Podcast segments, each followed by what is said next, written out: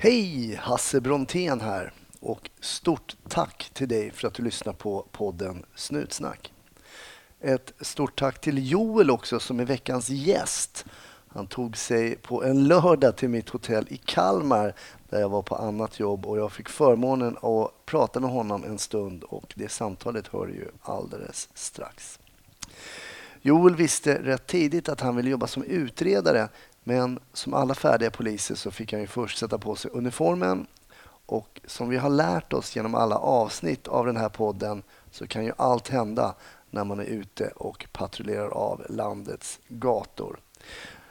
Joel berättar om en händelse som kommer att påverka honom mycket och mer om det alldeles snart. I övrigt så hoppas jag att vi möts på Snutsnacks Facebook-sida eller på Snutsnacks Instagram-konto. Och som jag tidigare har nämnt så uppskattar jag verkligen när ni delar inlägg eller när ni pushar för podden. Då blir jag ju såklart extra glad. Nu tycker jag att vi fortsätter att vara försiktiga där ute. För här kommer veckans avsnitt med Joel som gäst. Trevlig lyssning. 1310 1070 kom. 1310 Odengatan kom. Ja, det är uppfattat. Vi tar det. Slut. Bra. Klart slut. Varmt välkommen till Snutsnack Joel. Tack så mycket. Jag kallade för ett annat namn här innan men det var Så den var det. personen som tipsade dig. Precis. Bangaren. Ja, just det. Exakt. Bangaren. Och, eh, eh, vi ska inte namnge honom då, men det är en han. Och han jobbar också som polis i Kalmartrakten. Precis. Han kanske kommer någon annan gång. Jag hoppas det. Mm. Jag hoppas det. Men du är varmt välkommen. Vi sitter just nu på mitt hotellrum här i Kalmar. Exakt. Och eh, stort tack för att du ställer upp och gästar. Och tack till också till er lyssnare och er som följer Instagramkontot. För det var ju där jag la ut en liten brasklapp om att jag var på väg till Kalmar. Och nu har jag Joel här på hotellet. Berätta, eh, hur länge har du jobbat som polis Joel? Jag eh, tänkte lite på det igår faktiskt efter vi hade pratat. Jag är väl inne på mitt eh, kanske 14 år någonstans där. Mm. Ehm, varit i Kalmar hela tiden eller i området här i alla fall. Är du Eh, uppvuxen också här i Jag är från Öland från början. Men mm. varit iväg och studerat i Umeå innan. Jag gick inte polisskolan där men eh, pluggat innan jag blev polis. Och, men sen dess så efter den utbildningen flyttade jag tillbaka hit. Okej. Så sen dess har jag bott här sen 01 kanske. Vad får man fråga vad du pluggade innan du pluggade? Då läste jag, det får man absolut, då läste jag systemvetenskap. Och så jag det har, låter ju eh, som någonting... En eh, sjukt lång utbildning och jävligt mycket studielång kan jag säga. Eh, Okej, så det, då antar jag att kanske inte drömmen var polis från början? jo, men så var det nog Alltså, faktiskt. var fast det? jag fick backa några år till tillbaka. Det var nog eh, gymnasiet där, då var det nog min tanke. Ah, okej. Eh, Men där kring, där är det början 90-talet, mitten 90-talet, eh, utbildningsstopp på polisutbildningen, inget intag.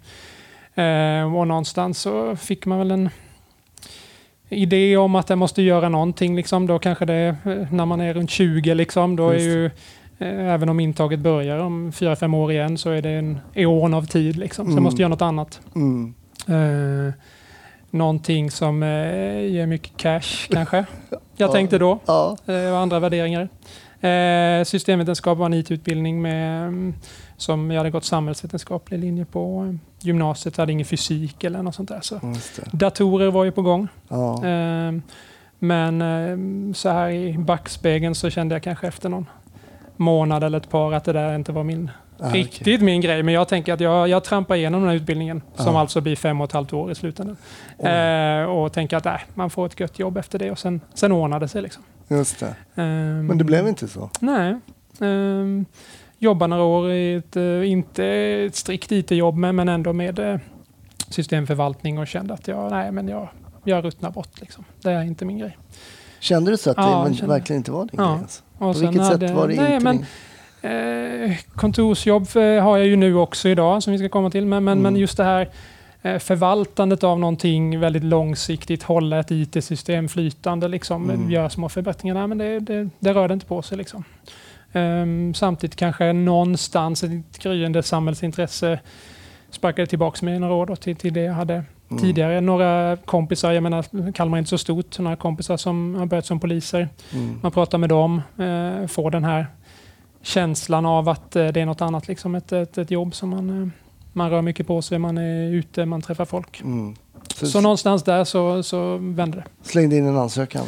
Ja, men, men, men kändes nog välgrundat tänker jag. Mm. Alltså så. Då eh, motiverat. Men den vägen var det och det liksom känns jäkligt bra fortfarande. Vad kul. Och Mm. då, då kan man säga att det just var det här anställningsstoppet. Och det var ju ett tag där som man inte tog in eh, polisstudenter. Mm. Och det kan man ju tycka idag. Ja, det kan man ju. Nej, men det bär vi ju nästan med oss fortfarande på sätt och vis. Exakt. Eh, ja. Sen är jag väl tacksam för det idag, även om jag kanske inte skulle eh, pluggat fem och ett halvt år på universitetet eh, och dragit på mig några hundratusen i studieskulder. Alltså det hade kunnat göra något annat, men jag är tacksam för att det tog några år innan jag sökte till polisutbildningen, att jag fick lite luft och, och andra erfarenheter. Jag jobbade Mm. i en myndighet under de här åren efter den utbildningen och Eh, det. Har jag mm, haft bra nytta av nu, tänker jag. Att, att det är liksom inte de problemen som Polismyndigheten har gått igenom kanske i samband med omorganisation och sådär. Det, det var liksom ingenting som kändes att det här kommer vi komma igenom. Man måste, det, det är inte så mycket grönare någon annanstans. Liksom. Nej, just det. Okej. Så, så det, det kändes eller, som en bra, något att ha med sig. Liksom. Så då var du 26-årsåldern någonting då? Eller Ja, jag någonting? tror jag var 27 när jag började polisutbildningen. Vad tror du, en- finns det, någon, Eller ännu mer kanske. finns det någon lämplig ålder för när man ska börja plugga eller komma ut som polis? Tror du det?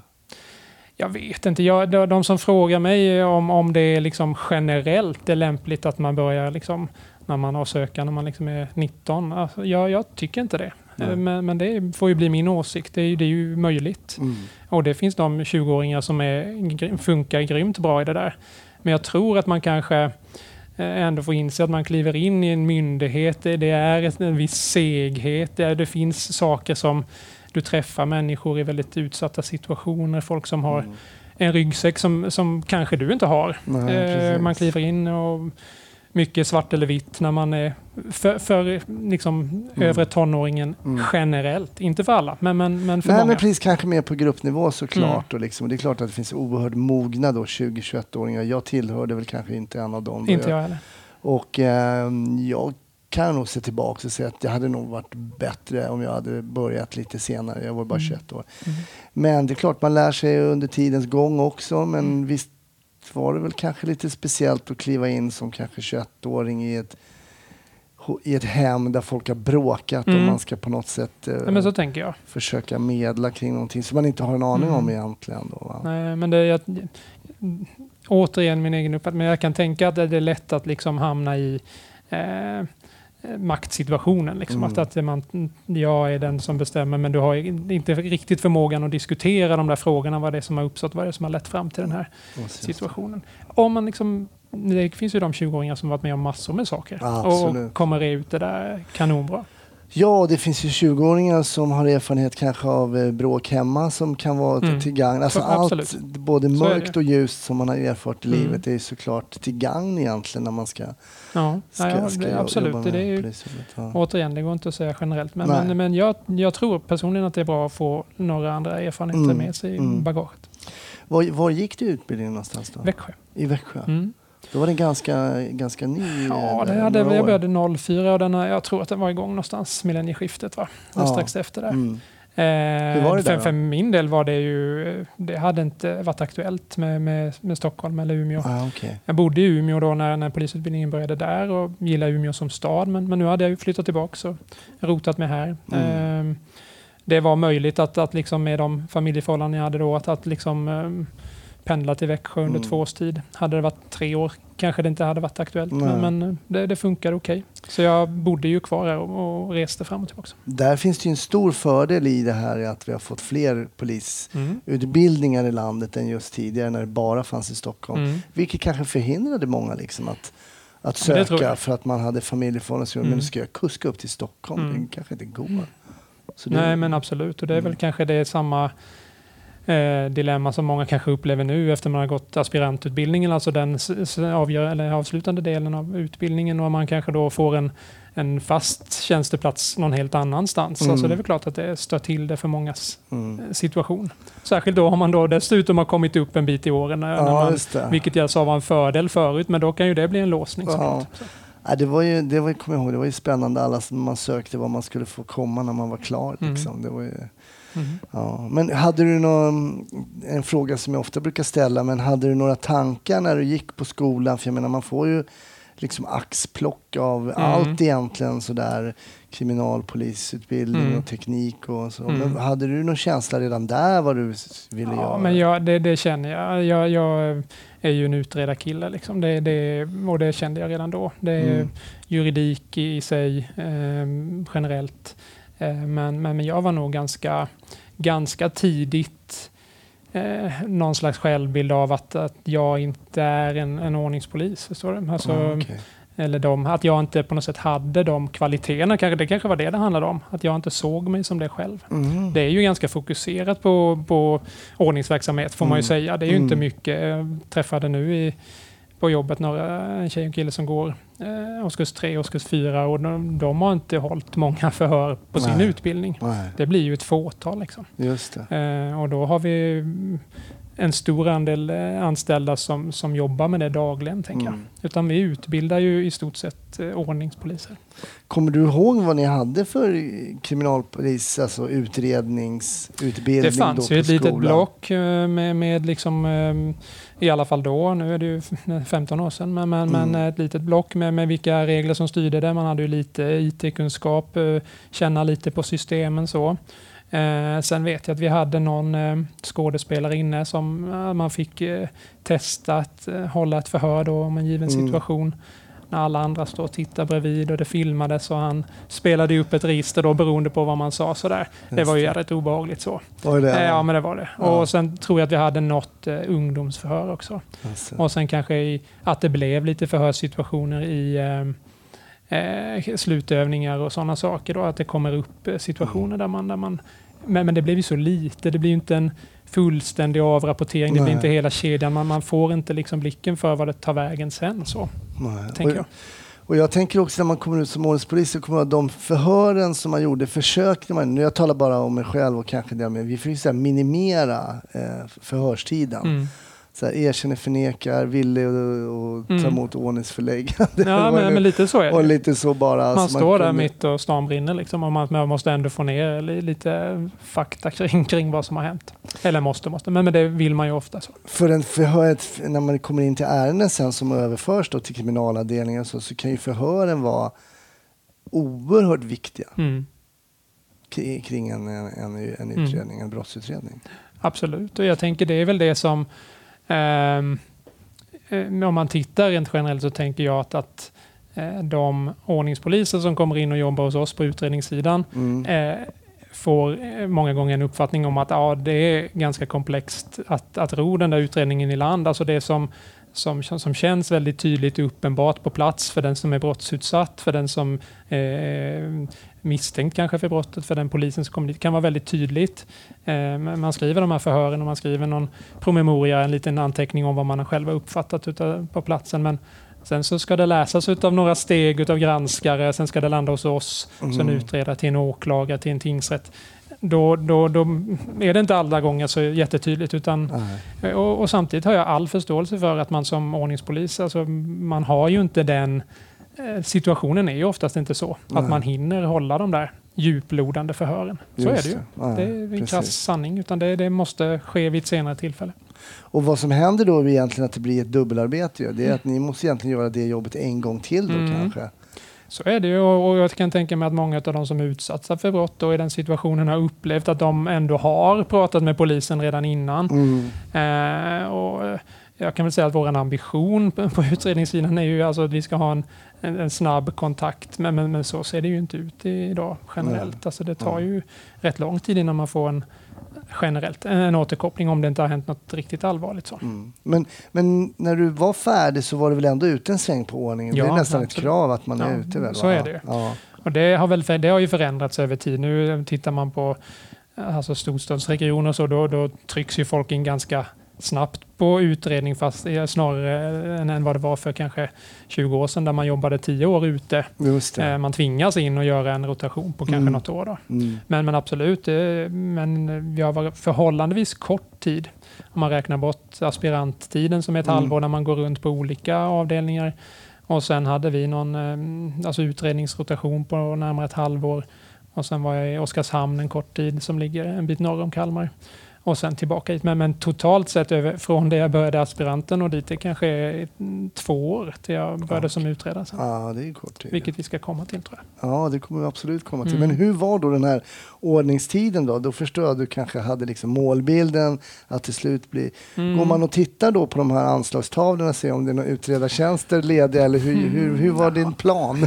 Nej, men det, var, det, det fanns nog ingen plan från början så att, att det skulle ske så fort. Det, det, det var det inte. Nej. Eh, men eh, då såg ju också upplägget lite grann annorlunda ut. Men, men eh, det var inte helt lätt att, alltså fortfarande att kanske ta sig in på utredningssidan. Det, så har det sett ut att, att det var någonting kanske som jag sa innan, att, att det kanske tog tio år Mm. för 20 år sedan det, innan precis. man fick ha möjligheten att komma så långt. Då. Mm.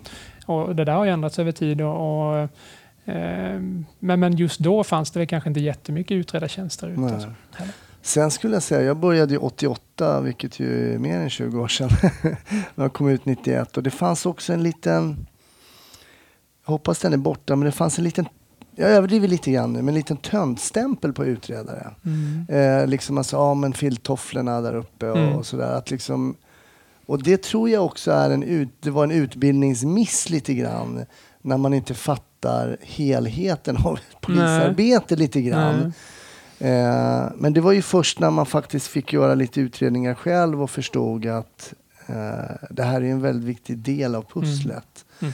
Eh, Men så är det. Ja, men där får man väl idag kanske koppla ihop det och se att vi, vi är en, alltså en kedja där, där man mm, på något sätt gör utredningsåtgärder redan på plats som, som ska bära liksom hela vägen. mm. Och att vi, även om man är kanske två skrån fortfarande och det finns lite så eh, eh, möjligheter att eh, ku- kunna samarbeta däröver. Vi är ju en ganska liten ort här och där tycker jag att ändå samarbetet mellan de olika avdelningarna, alltså både ut, de olika utredningsskråna, för det finns ju lite olika områden där då. Mm. Men även tillsammans med ingripande polisen att vi har en ganska bra möjlighet att, att liksom samverka där, tänker jag, Mm. på, på, en, på en sån här liten ort. Vi sitter ju i samma hus allihop det, och det finns en möjlighet till det. Men hur var själva ordningstiden då för dig? Vad tyckte du vara ute och... Ehm, nej, men jag tycker nog det var okej. Då hade jag hade inga barn. Jag, vi, jag jobbade lite skift liksom. Det funkade fint. Mm. Ehm, men men nej, jag, jag har nog alltid sneglat på det där ändå. Jag blev, hängde kvar lite i den här eh, krimrotationen som det kallas. Då. Ja, okej. Jag ville gärna göra klart mina förhör. Jag kan se det i efterhand att det, det var ju en eh, nog en, en känsla av att det var dit jag ville i alla fall. Ja. Så. Och vad blev din första liksom, utredningstjänst då? Var hamnade du då? Eh, det var på det som kallas för krimjouren då. Mm. Alltså det som utredare som ändå jobbar någon form av tvåskift i det fallet. Mm. Treskift är det väl ofta i storstadsregionerna men, Mm. men här är det två. Eh, man jobbar kväll och helg då i, i större utsträckning än vanliga utredare. För man det- tar sig an det som kommer in liksom.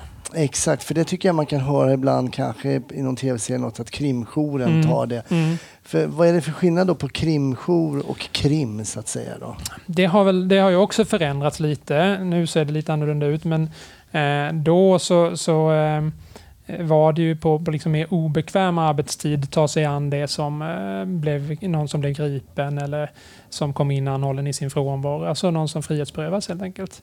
Eh, hålla inledande förhör med dem, göra eh, det kan ju vara mindre brottsplatsundersökningar eller husrannsakningar. Eh, men främst på kanske oregelbunden arbetstid var det då. Mm. Alltså eh, kvällar och helger. Och idag så är det väl kanske hos oss, de som jobbar krimjour idag, de tar ju ett ökat ansvar för den som är frihetsberövad under anhållningstiden. Då. Okej. Så man lämnar inte över ett ärende eh, till vanliga utredningssidan förrän en person blir häktad eller om man blir frisläppt under, under anhållningstiden så går ju ärendet över också. Ah. Okej, för det var nog mitt minne att krimjouren bara gjorde korta, korta Mm. insatser och så Mm. bara flög det ärendet vidare. Absolut, men, men det, det är väl det som kanske har skett eh, ja, säg nu sedan 2015 då, att man, att man har ju, i alla fall hos oss, och det ser, det ser annorlunda ut säkert Men det låter ju klokt, ställen. Mm. eller hur? Och det låter ju lite mer som nu kommer jag överdriva lite grann, men om man ser en film så kommer ju alltid då kommissarien ut till platsen och så Mm. tar de caset. Mm. Riktigt så är det ju inte i verkligheten, Nej. men det, det är ju lite närmare då sanningen Mm. ändå kanske om att man Ja, ändå får det behålla det då, liksom, caset. Det blir väl ofta så kanske att, att, att just att skickas ut till den akuta platsen är väl fortfarande inte jättevanligt hos oss. Nej. Eh, det kan vara, och, och det ska jag säga som, som sagt innan, att det, det vet jag att, att det inte ser ut likadant över hela Sverige, att de tar det ansvaret under hela den eh, perioden. Men, men hos oss funkar det väldigt bra, måste jag säga. Mm. Att det blir ett, en, ehm, en tydlig liksom, en gränsdragning där, där, där vi på utredningssidan vet att det är då vi plockar över. Liksom. Mm. Just det. Okej, så krimjouren då och tvåskift. Eh, och det kan väl vara fördelen då med att jobba som eh, utredare på en, på en rotel att det faktiskt ofta kan vara dagtidsjobb. Liksom, Mm. att man, eh, Då hade man ju också lite parallellt, fick man ju alltså utredningar att, att, att, att jobba med under, alltså när det inte var något pådrag så att säga, så fanns det ju mindre utredningar att sitta med. mm. Så det blev ju ett, eh, på samma sätt då ett, ett, eh, ja, ett vanligt utredarjobb med lite mer eh, fria ramar kanske. Just det, så Mm. hade inte, satt inte bara vänta på att ordningen skulle Nej, så har det inte sett ut här Nej, i alla fall. nej. Utan det, det har ju varit att det finns någonting att falla tillbaka på. När, från det jag började, innan kanske det var, Mm. såg annorlunda ut. Hur trivdes du med det här krimjoursjobbet? Um, alltså jag an, precis att det blev ett sånt tidigt bryt att från ordningen, alltså efter bara ett par år, det, det, jag hade, det, det sparkade tillbaks på, en- på en händelse som jag inträffade ute. Som, Okej. som eh, fick mig att liksom, ja, nog dra mig in till inre tjänst lite snabbare än vad jag hade tänkt. Vad var det för det, händelse? Ja, det, det var väl i och för sig en ganska spektakulär händelse, men den satte ganska tuffa spår i mig så att säga. Och, Okej. Som jag bar med mig ganska långt efter. Vad, Ehm, vad hände? ehm, det var en eh, ja, random eftermiddag, du vet hur det är. Ehm, snart skiftbyte, man har börjat eh, fälla ner för landning liksom, så är det. Mm. Ehm, vi hade snurrat runt lite här i, i stan och jag fick ehm, ifrån eh, personen som var yttre befäl den dagen ta över hans aspirant i min bil. Jag åkte i en civilbil själv. Ehm, så vi skulle egentligen bara ta en sväng och sen åka in, eh, jag och den här aspiranten. Mm. Ehm, och ehm, i samband med det så går det ut eh, ett larm om att eh, det finns en stulen bil vid eh, Ikea-området i Kalmar. Eh, som vi blir, eh, ja, våran bil blir beordrad på att åka och titta till den där. Och det är ju inget, eh, alltså det är ju inget konstigt jobb för någon som jobbar inom polisen. Det är ju en stulen bil som är slängd någonstans. Eh, och, eh, vi åker dit. Det finns en annan bil som också åker från ett annat håll. Eh, när vi kommer till platsen och snurrar lite, med, eftersom vi hade civilbil, så, så tar vi en liten mm, distanssnurra. Eh, och då ser jag att det sitter person i den här bilen. Så vi tar, tar oss bakom och i samband med det så börjar den här bilen rulla. Eh, jag tror att i efterhand att de har nog inte sett oss, det tror jag inte. Utan Nej. de bara ja, går på rull helt Så enkelt. egentligen var det här ett, ett, ett, eh, ett jobb som noll puls i början? Noll. Mm. Noll puls. Jag tänker vi kommer dit, vi be- beställer en bärgare och sen så är det färdigt så åker vi in. Liksom. Mm. Men den rullar iväg? Den rullar iväg och det är den här, min kollega då, aspiranten som, som kör bilen. Eh, vi slår stopp, alltså slår på med blåljusen för att eh, bilen ska stanna. Och då sticker den ju. Eh, så. Mm. Och den drar med en rätt bra fart och det kränger och far. Och, mm, vi hinner väl kanske en två kilometer ifrån från platsen. Vi har ytterligare en patrullbil bakom oss. Eh, jag sköter radiosambandet då som sitter bredvid och Mm. Eh, har full fokus på den här bilen. Och, och så ser jag att killen som sitter på passagerarsätet, han, han vänder sig om till baksätet. Och jag tänker att ah, fan, nu ska han ju droppa någonting. Nu, nu har de något stöldgods eller någonting Mm. i bilen som de tänker slänga. Just. Eh, men då kommer det upp en vapenpipa i den här, eh, i, liksom i mitt blickfång i, och en kort sån. Då, alltså då, jag förstår att det är ett automatvapen som man har i bilen. Ehm, och sen är det där det tar en lite spektakulär vändning för den här killen han alltså klättrar ut i, genom sidorutan på bilen och kläm, kilar fast sig lite mellan dörren och taket, tar, tar stöd mot taket Oj. och lägger an den här Kalashnikoven mot våran bil. Och det, ja, men det är ju... Från ingenstans? dödsångest deluxe. Liksom. Från, just från det där noll till, till detta då på Ja. ett par minuter. Ehm, Avfyrar de också? nej, det gör de inte. Jag kan i efterhand se att eh, vi nog sköter det där exemplariskt. Alltså, jag, som jag uppfattade det, liksom, bra radiosamband under tiden. Kollegorna får reda på att det är vapen i bilen. Ehm, men jag får den här, eh, min kollega att vi vi gick undan. Liksom. Svänger in på en busshållplats eh, ur skottfältet så att säga. Och den här bilen försvinner bort. Eh, man hittar den dumpad lite senare. Inga personer i. Man hittar det här skarpa vapnet i en, sa- en sandlåda. Det är ett skarpt vapen också. Ehm, men med just den där eh, känslan där och då, du vet, höggravid fru hemma, man eh, har ingen som helst tanke på att något sånt ska hända. Jag menar, hur många gånger ser vi automatvapen i Kalmar tror du? Det är inte jätteofta. Nej. Det fanns ingen mental förberedelse för det. Att det skulle hända något sånt. Vad händer efter det här passet då? Jag menar, nu, du kan börja med, vad händer när ni kör åt sidan där vid den här busshållplatsen? Vad, vad säger ni till varandra, din kollega och du där? Mm, jag vet att, jag, liksom, att det var ett bra beslut för oss alltså att vika. Mm. Eh, våra kollegor annars följer ju, fortsätter ju följa efter den andra bilen då som, som kommer. Och de, det gör ju de, de har ju lite mer distans till bilen så att säga och han klättrar ju in i bilen igen. Just Men, men där är det ju rätt bra ridå för mig alltså. Det är ju Mm. eh, ganska eh, tydliga chocktecken från början. Mm. Eh, vi har ju fått ut den här informationen men jag vet att, att jag själv begär utav befälet då att, alltså att, att vi, vi plockar oss ur tjänst. Liksom. Vi behöver komma in. Mm. Men det är ju det är ju på något sätt en styrka att kunna göra det också, tycker jag. Absolut, så är det. Eh, för när man får de här tecknen så är man inte en bra polis. Nej, nej, men jag hade ju inte fungerat då.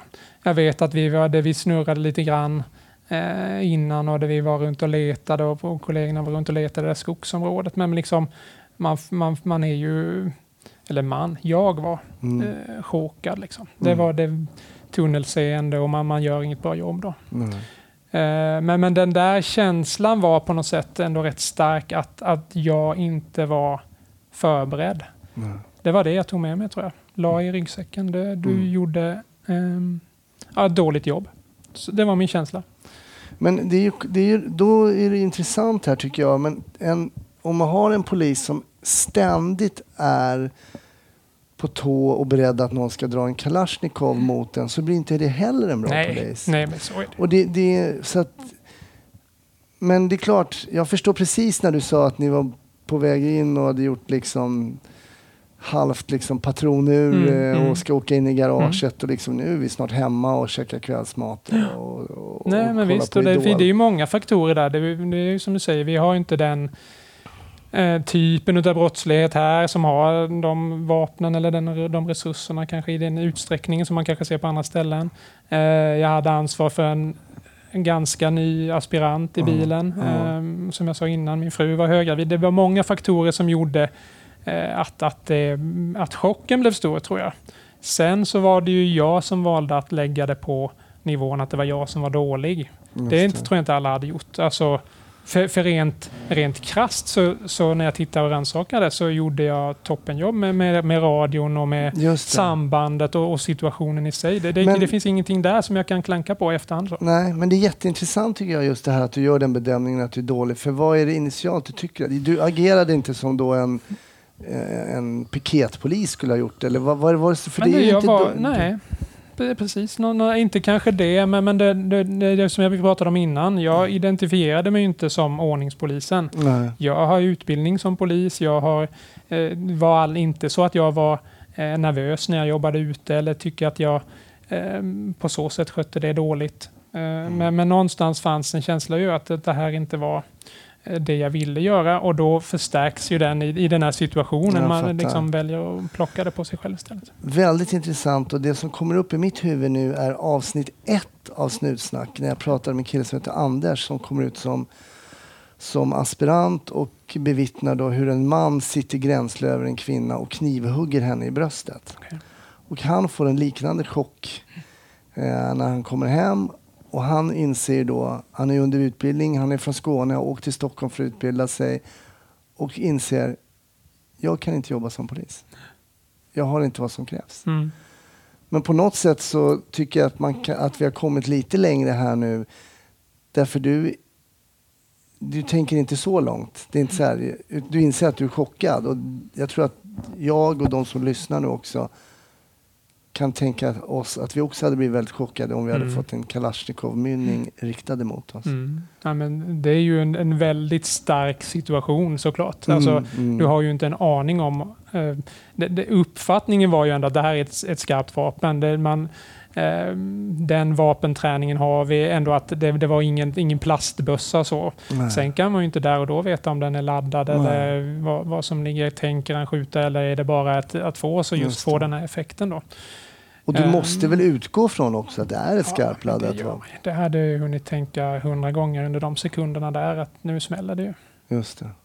Och man, man får ju det här tunnelseendet rätt in i den här pipan liksom, som Mm. gör att det blir ja, men starkt och obehagligt naturligtvis. Mm. Så att nu, nu dör jag. Liksom. Just det. Hur långt ifrån var ni varandra där ungefär? Vi var rätt oense om det sen och jag minns även under rättegången för man griper de här sen Mm. utredningsvägen. Ehm, eh, jag tror att vi är närmare än vad jag, än vad jag uppfattade eftersom jag ser det så tydligt, det här, hanteringen av vapnet i bilen. Mm. Så jag skulle gissa kanske 20-30 meter bakom kanske. Mm.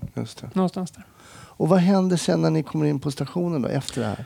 Exemplariskt ur den, eh, liksom, eh, även om vi kanske själva då fick pusha på och bli, bli lyfta så, så eh, eh, hålls det ju en debriefing med, med hela gänget som var inblandade på plats. Mm. Mm. Eh, jätte, ur det perspektivet jättebra skött från, från arbetsgivarens håll. Och, men jag, har- jag bär nog med mig den här uppfattningen av att det bara var jag som, eh, som tog så illa vid mig, förstår du? Ja, Ut. I det Ja. här gänget då. Mm.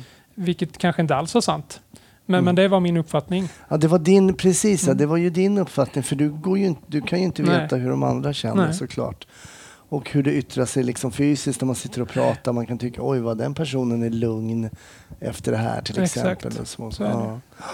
Och det, är ju, och det är väl med den känslan som jag har med mig in till, för nu, nu, tar det ju några månader tills den här eh, jourutredartjänsten dyker ut. Då, Mm. som jag söker och får en utav, av flera. Men, men någonstans finns det där med liksom i en... eh, Mm. Och jag tror det landar i en känsla av att eh, för, för som utredare, det, det var jag liksom eh, schysst med. Det, Mm. det var en bra känsla. Mm. Hålla utredningar, göra ett bra jobb. Men just den där känslan av när saker vänder. Eh, och det är ju det det gör på en krimjour. Liksom. Mm. Det kan ju gå från noll till, till eh, inget. Absolut. Eh, du ska ner och höra den här eh, misstänkte för det här eller så. Och det där utvecklades under de senare åren där lite. Att, att det, blev, det blev jobbigt att gå till jobbet. Att, att, eh, Mm. eh, vad har hänt idag liksom? Just Det där som många uttrycker som charmen med polisyrket tänker ja, jag. Det. Att det är inte en, annan, inte en dag är den andra lik. Det blev tokjobbigt. Okej. Men var det någon gång du tänkte så här, men nu går jag tillbaks till system... Eh, Nej, det var det. Jag tror inte jag, tror inte jag fattade det. där. Det tog, det tog en... Eller det var inte aktuellt. nej, okej. Så. Men, men däremot så tog det väl kanske en... Vad kan det ha varit då? 2008 kanske. Mm. Eh, och sen tar det nog en... Eh, ja, jag byter från krimjouren till, till eh, utredningssidan och sen är det lite andra spår däremellan. Men det är nog inte förrän kanske 6-7 år senare som jag känner att det här sitter ju fortfarande. Liksom. Jag måste, där måste jag hjälp att blocka upp. Så det, det får jag genom arbetsgivaren en hjälp med. Alltså en, en terapisession helt enkelt. Just Så det, där man ja. får vända och vrida lite på det här och inse att, att det var ju inte mitt fel detta. Liksom. Det, var ju, det är ju de som väljer att peka det här vapnet och reaktionen är sund och, och alltihop sådär. Så hade du förmågan att liksom låsa upp de här äh, knutarna du Ja, hade? men för, det är det som är så förvånansvärt fort alltså. När jag fick Ja. den hjälpen så, så vände Mm. det där kvickt. Mm. Man, man hittar ju sina liksom coping-strategier under tiden. När man hittar, jag tror inte så här i efterhand att det var någon som märkte det. Alltså, det var Nej, aldrig någon det- som sa någonting så. Och, det, det inte, och jag tror inte att det märktes. Jag det gjorde var du som kände det bara? ett helt okej jobb. Liksom och sådär. ja. Men, men, eh, men när det där... För det, ändå men med någons hjälp att liksom skruva lite på det och känna att eh, Mm. ja, men nu landar pusselbitarna rätt och, och eh, det här funkar. Liksom. För jag tänker bara efter den då händelsen med den reaktionen att bara liksom göra ett vanligt stopp. Alltså bara Ja. att följa efter att det kan verkligen sitta... Vita Saab 9000, det sparkade igång en jättereaktion efter det. Eh, jag vet eh, några månader efter på sommaren där kanske vi, eh, du vet ett, annat sånt normaljobb, stulen bil någonstans. Öh! pulsen uppe och, och tunnelseende. Och, alltså det var ju de känslorna som ändå gav att, att "Nej, men jag kan inte fortsätta med just det här längre. Liksom. Men samtidigt inte en så stark känsla att jag, att jag sökte någon hjälp för det. Nej, jag förstår. Och det, det, det är intressant att det dyker upp ytterligare ett, ett eh, avsnitt av Snutsnack som heter Jackan med Micke. Han berättade om ett ärende för att där var det en kille som ville ha en jacka som låg över en soffa. Men han skulle, de hade en kille som var anhållen i sin frånvaro men en annan kille som var där som var kriminell men inte efterlyst. Men han var så himla keen på att få sin jacka. Min jacka, Ja, min okej. jacka, min jacka, min jacka. Till slut så kollar de, han är inte lyst. De söker igenom den här jacka- jackan oerhört noggrant. Lämnar iväg honom. Och sen när de går tillbaka till soffan så sitter en Glock 17 mellan sätena i soffan där jackan hade legat Mm. över. Mm. Och han berättar något liknande att varje gång han ser en jacka på en Ja, soffa över en glipa. Mm. Det hände ingenting fysiskt med honom. Precis som det inte hände någonting Nej. fysiskt med dig. Men jag förstår också att han får en puls när han Man ser att det ligger en, där, Man liksom. får en Så, trigger där mm. som du får med en Saab Mm. 9000. Ja, den är borta idag. Men, Nej, men då- den är borta idag, men då var det det. Ja, absolut, Och det kanske är borta för mycket också Mm. idag. Men, men han hade i alla fall en sån reaktion Mm. på jackor Mm. på soffor Ja, det- över glipa. Så det är det ju. Så det här visar ju eh, polisyrkets också komplexiteten i det hela. Att man utsätts för saker som fysiskt sett inte efteråt har skadat en men som ändå påverkar. Och som du säger, sex sju år innan du låste upp Mm. det här. Liksom. Det är väl det där jag tänker lite med. Alltså, det hade ju kunnat ta andra yttringar. Det hade ju kunnat bli... Eh, alltså, istället för att lägga det på mig själv och lägga det i min egen eh, ryggsäck hade det kanske kunnat gå åt andra hållet. Eh, en överdriven, alltså, eh, vad ska vi säga, försiktighet som leder till något dåligt polisingripande. Förstår du? Man kliver in för hårt nästa gång Absolut. för att man har rädslan. Det, det, det, det är ju så. Och någonstans just den där heller, också känslan att, att, att jag inte uppfattade det som att så många förstod vad som var i mig är ju någon, som jag har med mig idag, att, att alla har sin ryggsäck. Mm. Det är ju, det är ju så. Och Mm. ingen riktigt vet vad som, som finns i och det är väl där vi måste börja när vi, när vi träffar människor i vårt yrke. Att liksom, du har inte en jävla aning Nej. vad den här personen har varit med om. Good Precis. or bad. Liksom. Precis. Men vi har verkligen våra olika ryggsäckar. På gott och ont. Allihopa. Så är det. Men idag så jobbar du som förundersökningsledare. Mm. Om vi ska berätta för lyssnarna, vad gör en förundersökningsledare? Eh, En förundersökningsledare eh, hörs ju lite på namnet, man leder en förundersökning. Men Mm. vad fan betyder det då? Det, men det, det kan ju vara lite olika delar i, olika roller inom polisen. Men, men man har ju ansvar för utred, alltså förundersökningen. De flesta brott som sker eh, leder ju till, eller flesta, men många leder till en förundersökning. Mm. Det sitter en granskare när en, en ordningspolis har skrivit sin anmälan. Så granskar man, okej, ska vi liksom inleda en förundersökning? Ska polisen jobba med att utreda det här fallet vidare? Just det. Ehm, och det finns ju lite olika delar, men det- man har ju det då. Man kan inleda en förundersökning, man kan starta en utredning. Sen handlar det om att bedöma bevisläget, bedöma vilka liksom åtgärder ska göras för att det här eh, ärendet kanske ska kunna nå ett åtal Mm. eh, skriva direktiv till mina utredare, tala om för dem vad jag tycker att vi måste hämta in för information, vilka förhör ska hållas. Man ansvarar för beslut om tvångsmedel, alltså att eh, vi ska göra en husrannsakan någonstans, vi ska Mm. hämta någon till förhör. Eh, ett ansvar för den, de, de bitarna och sen i slutändan då ska den här utredningen leva vidare. Ska den till ett åtal, alltså till, eller i alla fall till en åklagare då, Mm. för ett eventuellt åtal, eller ska den avslutas? Just det. Men är det inte så också att åklagare är förundersökningsledare ibland? Precis, då finns det en liten ehm, mall kan man väl säga, en överenskommelse då, där, där polisen leder förundersökning i fall som har, är av enkel beskaffenhet säger man då. Och då har man gjort en överenskommelse med vilka ska läggas över på en åklagare redan från början. Eh, även rätt så grova brott som, har, som inte har någon misstänkt än leds ju många gånger av polisen, alltså förundersökningen fram till dess att Mm. man stöter på någon som, som är misstänkt för det här brottet. Men, men annars så är det ju mycket, det ju i mitt fall som jobbar på ett lokalpolisområde då, eh, Mm. jobbar vi med det som polisiärt kallas för mängdbrott. Det är en väldigt tråkig benämning tycker jag, för det Ja. är ju liksom, ju brott som träffar gemene man. Eh, Stölder och Stölder, och- misshandel, den typen av brott. Liksom. Just det. Eh, det är så, så verkligen säga mängdbrott blir lite svepande, men, men det, Ja. är- det är de här, det är utifrån det perspektivet, lite enklare brotten. Mm.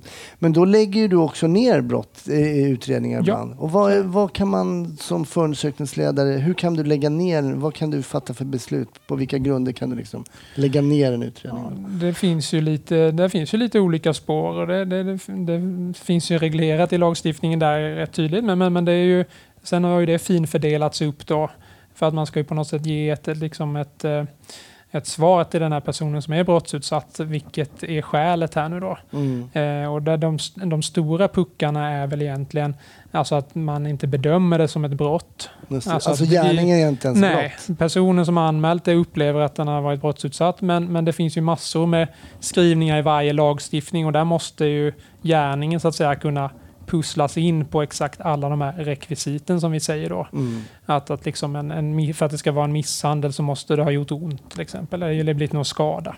Alltså så. Och då är det ju också förundersökningsledarens jobb att, att se Ja, okej, det är inte det här brottet, men är det något annat brott då istället? Bara för att eh, en person upplever att man har blivit utsatt för misshandel så kanske det är något annat brott då, Mm. om inte allt passar in. Just det.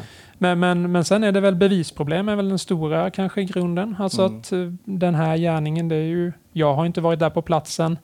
Och, och, och, vad, vad finns det för bevis för att detta har hänt? Och det betyder ju då, det upplever ju många att det, det blir en, eh, att vi inte tror på dem helt enkelt. Ja, det. Det, det, ni, ni tror inte att detta har hänt och så är det ju inte. Utan Nej.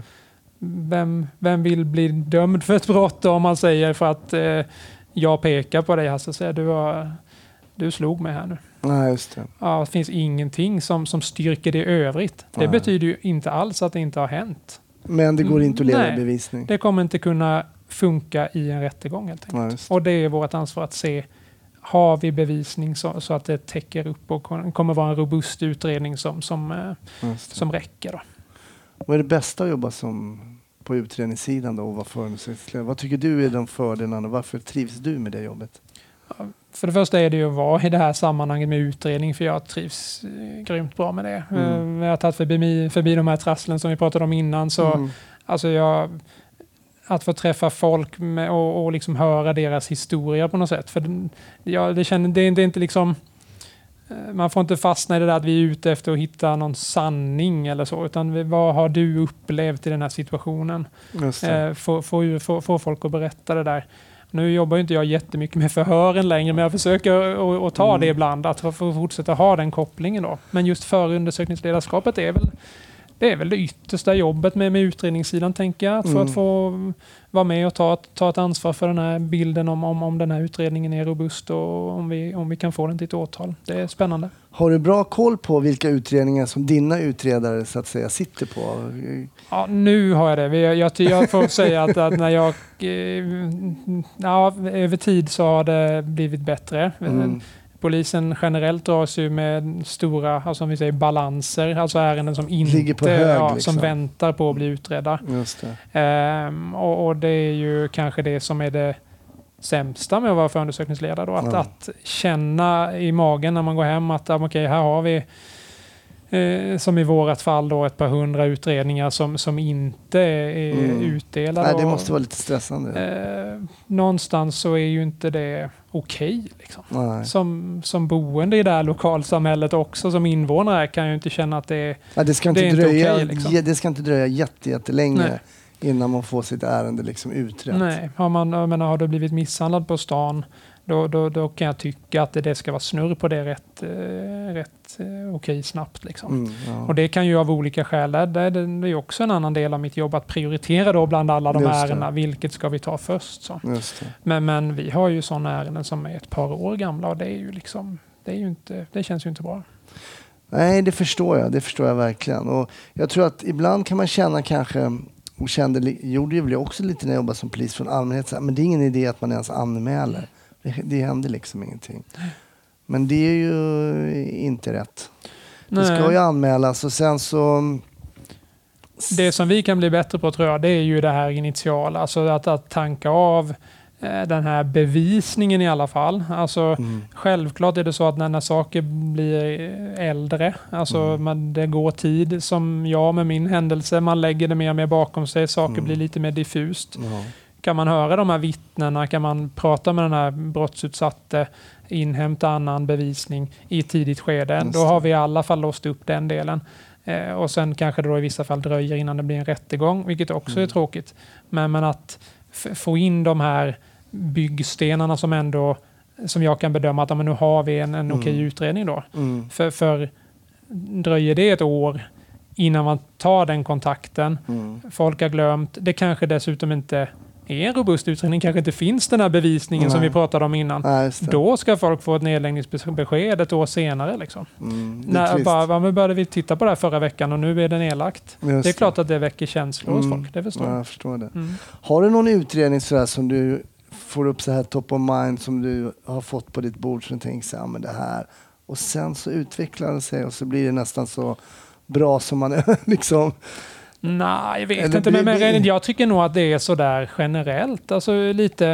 eh, Du vet, man, man, hur jag ser på en situation kan ju jag känna jättestarkt för den och vad, vad som har hänt här. Mm. Och det är ju hur min, ur min vinkel. Liksom.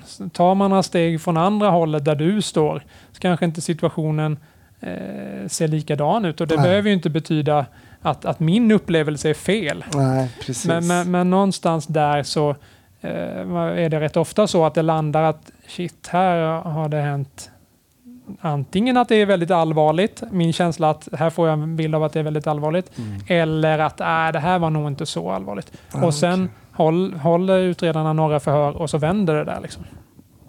Ja. Alltså, och Det vilket, kan det göra- kan, det gå kan- åt vilket håll som helst. Med, Ja. med några vittnen så, så är, det, är det väl plötsligt inte så allvarligt, eller i alla fall inte går styrka. Då. Eller så tvärtom. Mm. Och det är väl det som är tjusningen, tänker jag. Ja, men jag kan tänka mig det. Men när nu, nu, nu tänker jag fråga här som jag frågar alla och det här blir ju lite mer vinklad till dig då, eftersom du är specifikt utredare. När du ser de här utredningarna på, eh, på film när de kör bad cop, good cop. Persbandstiden. Ja, just det. Är det något ni jobbar med här i Kalmar? Absolut inte. Nej, men det är ju en helt... Eh, man, det är ju där. Min fru får rycka i mig lite när jag sitter och skakar i soffan där, för jag blir ju, man blir ju förbannad. Liksom. Ja, det är så. är det.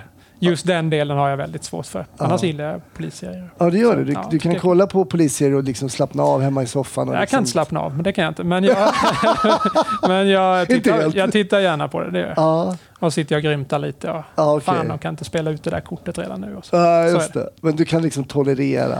Ja, det, är- det, min fru lägger band på mig och sen får jag köpa att det, det finns liksom ett, ett upplägg. Vi måste framåt. Vi kan inte sitta och tugga det här. Liksom. Nej, nej, det, det precis. går inte. Men är det lättare att kolla till exempel en amerikansk eller en utländsk serie då du inte kan? Ja, men så är det nog lite. Då man släpper juridiken lite Ja, men mer det, det, det har du nog poäng i. Så det är det nog lite. Ja. Även om de också är- dundrar på med all bevisning på en gång och sen så erkänner personen liksom, och så är Ja, det färdigt. Ja, Så, så funkar det liksom inte. i Ja, just det. Det gör inte det. Nej.